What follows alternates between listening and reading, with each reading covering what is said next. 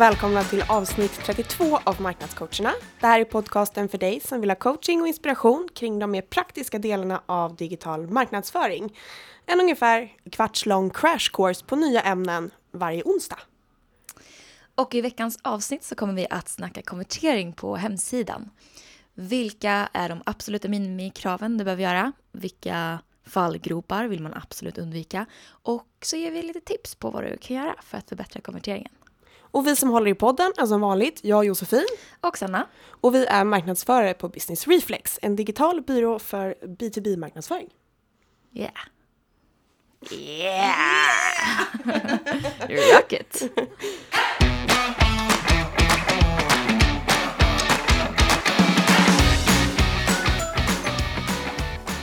Okej, konvertering. Vad menar vi då? Med konvertering så menar vi att du vill få dina besökare att göra det du vill att de ska göra. Det kan ju handla om att fylla i ett kontaktformulär, ladda ner ett white paper eller kanske göra ett köp. Och det kan ju vara på er hemsida, er app, i era sociala kanaler, vart det nu finns. Men vi kommer fokusera på hemsidan i det här avsnittet. Mm. Och när vi snackar konvertering så kommer vi in på konverteringsgrad ganska naturligt. Conversion rate, relationen mellan det totala antalet besök och de besök som faktiskt resulterar i att en av de här besökarna fyller upp konverteringsmålet. Mm, precis. Och vi kommer nog in på det lite mer så småningom. Mm. Men vi börjar med de två absoluta minimikraven för att eh, fixa konverteringen. Och när vi snackar hemsida så handlar det ju först och främst om funktionalitet. Hemsidan måste funka och det kan ju låta självklart. Mm, men det är inte alltid självklart. Nej, det är många gånger man snubblar in på sajter där liksom inte knapparna leder dit de ska, det är brutna länkar, den laddar långsamt, det är formulär som inte funkar att submitta. Så se till att allting, liksom, hygienfaktorerna är på plats, den funkar och det är frid och fröjd så långt. Happy life. Mm. Sen behöver ni också se till att få till tillgängligheten. Det var många till. Ja, och vad, vad menar du med tillgänglighet i Ja, det här det sammanhanget? Ja, precis. det kan låta lite flummigt, men vi menar ju självklart att den ska vara tillgänglig för alla. Ett exempel på det är läsbarheten, att texten ska vara enkel att läsa och ta till sig. Och då handlar det om fontval, fontstorlek, ordval. Är man närsynt ska man kunna se vad det står. Hur funkar det liksom i olika browsers på alla olika devices? Mm, precis. Den ska vara responsiv och så vidare. Så det är de två liksom grundkraven. Och sen så handlar det ju självklart också om att du ska ha bra koll på dina köpare. Vad har de för utmaningar, frågor och varför kommer de just till er sajt? Och det har ju med att göra att de måste, du måste ha någonting för dem att erbjuda som de tycker är attraktivt. Exakt, relevant content. Men det där är ju ett avsnitt för sig och vi bara förutsätter nu att ni har en, ett schysst budskap på er sajt. Så det här Ja. blir mer tekniska grejer som vi ska snacka om. Tips som ni kan göra och som ni borde göra när ni har den tiden över. AB-testa era sidor. Ni gör flera versioner av en och samma landningssida och sen så testar ni dem mot varandra för att se vilken funkar bäst. Det kan ju vara väldigt små saker som avgör ibland. Det kan vara en pytteliten tweakning och så kan du få en mycket, mycket högre conversion rate. Precis. Och det är lite så här krav på trafik och sådär när man ska AB-testa. Precis som med e-mail så AB-testning kräver ju att du har en, en viss mängd av människor för att det ska ge ett resultat att tolka på något Ja. sätt. Har ni väldigt, väldigt lite trafik till er sajt så kanske ni behöver vänta lite. Ja, det kan ju vara slumpen som avgör i sådana fall. Så att eh, först och främst måste man ha tillräckligt mycket trafik på sajten.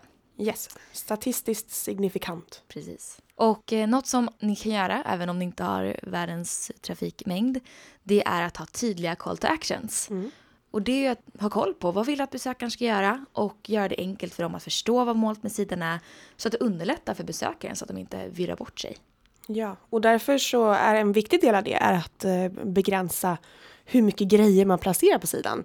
Det absolut bästa som ni kan göra är att ha ett tydligt call to action. Max två, men jag skulle nog säga en är det optimala. Ja. Och försöker att pusha hela tiden vidare dit. Eh, till exempel prenumerera på en blogg. Kan ligga som en länk i texten, men det kanske inte är det som du lyfter fram på sidan. Nej, det kan ju vara den där sekundära call to action som, som kan få finnas med, men bara en huvud-CTA. Skulle jag säga. Och se till att upprepa den här också flera gånger så att den kanske kommer i början att direkt i ingressen finns det en knapp och även någonstans i texten som en hyperlänk och även längst ner när de har kämpat sig igenom och haft tålamod att läsa allt.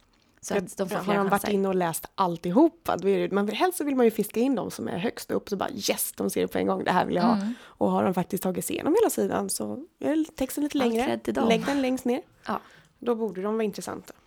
Verkligen. För er. Det är också bevisat om och om igen att knappar triggar oss mer till att klicka än vad till exempel en hyperlänk gör. Det kan vara bra att eh, ha i minnet. Så att färgglada knappar som sticker ut och poppar, väl synliga på sajten, gör mm. att vi är mer så trigger, de blir mer trigger friendly. Ja, eh, det är, det är viktigt med färg och form. När vi ändå pratar om färg och form så kan vi också säga att det är en bra idé att lägga till lite kompletterande bilder. Ja. Ett white paper kan man lägga till en bild på white paperet så de får lite sån här visuell liksom, känsla för det. Mm. Men också lite bilder som är tilltalande. Ja, alltså även om man är rationell till en viss del så är det också mycket känsla som talar till oss när vi är på en sajt. Och människor till exempel är alltid bra om man kan till exempel få det att kännas äkta och trovärdigt. Det liksom står människor bakom företaget och inte bara någon, någon uh, internetbluff. Och mm. även typ grafik så som pilar som pekar på formuläret så att ögat liksom får hjälp med vart det ska kolla och mm. vart det ska klicka. Så att, ja, grafik och bilder. Pilar har jag testat med och utan i kampanj, AB-testat. Mm. Och just de pilarna som liksom ledde vidare till ja. själva call to action-knappen var, eh, var en vinnare. Precis, ja men jag håller med. Nästa grej är cut the crap. Och med det menar vi att se till att komma till saken så snabbt som möjligt. För ingen har tid att läsa överflödig text. Man har ett attention span på cirka åtta sekunder. Jag tror knappt det Nej, ibland. Jag tror det sex länge. sekunder har jag nog också. Ja, det finns lite olika källor, men åtta sekunder. Mm. Ja, man vill liksom få svar på sin fråga direkt så att man fattar varför man ska läsa vidare och bli motiverad till att fortsätta. Mm. Och kom ihåg att använda lite white space också. Lite luft kan förstärka det budskap som du vill leverera. Mm. Bullet points gör det också väldigt snyggt och enkelt och det är också en sån sak som Alltså, kan ni så undvik de här jättelånga meningarna och kläm ihop det till en lista istället. Till exempel, det här får du veta. Bang, mm. bang, bang, bang, bang. Om du laddar ner det här dokumentet. Ja. Mm. Snyggt, översiktligt, eh, rakt på sak, cut the crap. Yes. Vilket leder oss in också på nästa tips. Att hålla sidorna korta återigen, fyll inte ut med innehåll bara för sakens skull. Jag förstår att många, så här, de kan ha på sig sina SEO-glajjor, de bara mm, hur mycket mm. kan vi få in här? Men en portfoliosida eller laddningssida med huvudsyfte att eh, konvertera på behöver inte vara fylld med så mycket text. Få orkar scrolla hela vägen ner till sidans slut. Så därför, säg det viktigaste direkt, above the fold, så att man slipper scrolla ner för att kunna se. Ja. Och om det är så att du måste skriva lite längre för att få med det du vill säga, summera dem med bullet points högst upp så får de en tydlig översikt direkt så kan de välja sen om de vill läsa mer. Se till att skriva så att de blir motiverade att fortsätta läsa. Det är ju en utmaning i sig och det är också ett avsnitt, att skriva bra copy såklart. Det har jag sett är också allt vanligare när man går in på eh, amerikanska sidor, att man får som en preview av själva inledningen. Man får börja liksom mm. läsa som inledningen och sen så ser man hur texten så här fejdar ut mm. när man kommer till cliffhangern. Mm, och sen så måste man fortfarande folda ner eller ladda ner för att få se hela materialet. Det skulle kunna vara en sån sak en som man... En teaser. Aha. Ja, bra idé. Och nu hoppar vi in på sista delen och det är misstag att undvika. Ja. Otydliga call to actions eller call to actions som inte syns, det har vi varit inne lite grann på tidigare. Men man ska inte behöva leta. Ibland så innebär det att det kan vara såna här genomskinliga knappar eller att det är en länk i text som liksom inte är markerad på något sätt utan att den är mm. svart bara i en löpande svart text.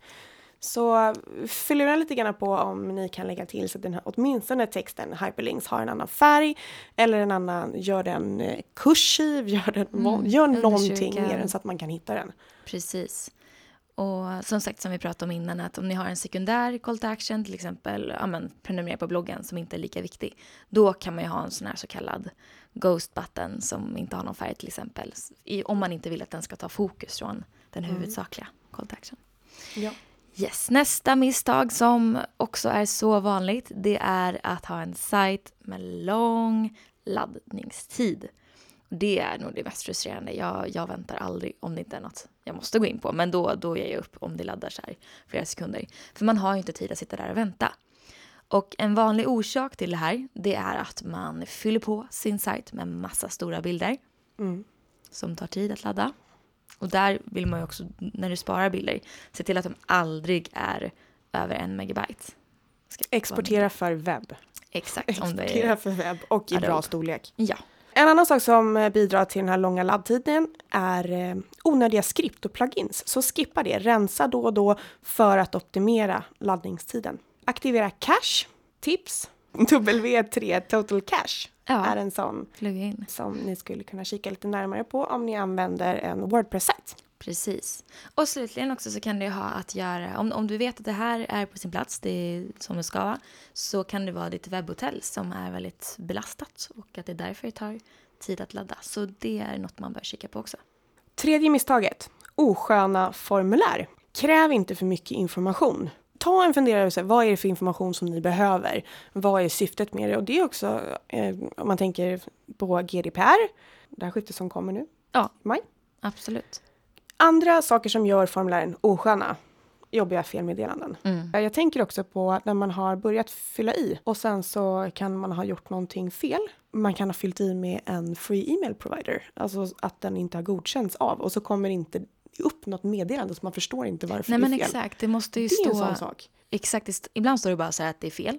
Istället ska det ju stå varför det är fel eller så här, hur det ska vara för att lyckas. Typ om du ska fylla i ditt födelsedatum, ja men då bör det ju stå så här. Så här ska du fylla i det, 1991. Mm, lite placeholding eh, text Ja, så att man vet vad, vad är problemet. Precis. Hur och inte att de ska sitta där och klicka, klicka, klicka, klicka, klicka. klicka. det är frustrerande. Mycket frustrerande. Och ännu ett misstag som, som man också ser väldigt mycket, det är att man blockerar bästa platsen i sitt skyltfönster med bara en stor bild. Och när vi pratar om skyltfönster så pratar vi i det här fallet om headerbilden högst upp på sajten eller på sidan.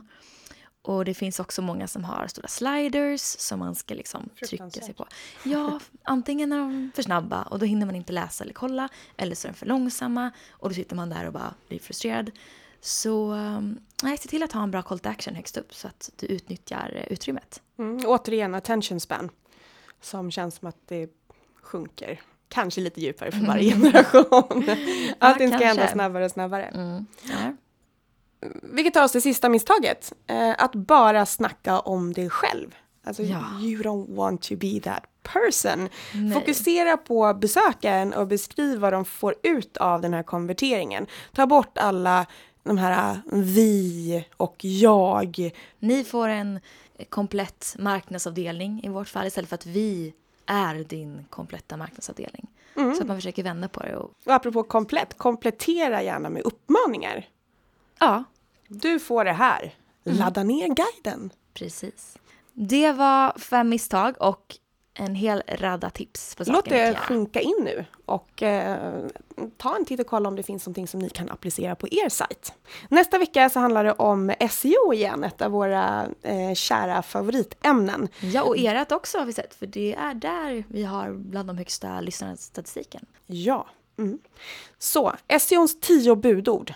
Ja, vi kommer gå igenom vad du måste veta för att kunna göra effektiv digital marknadsföring ur ett SEO-perspektiv.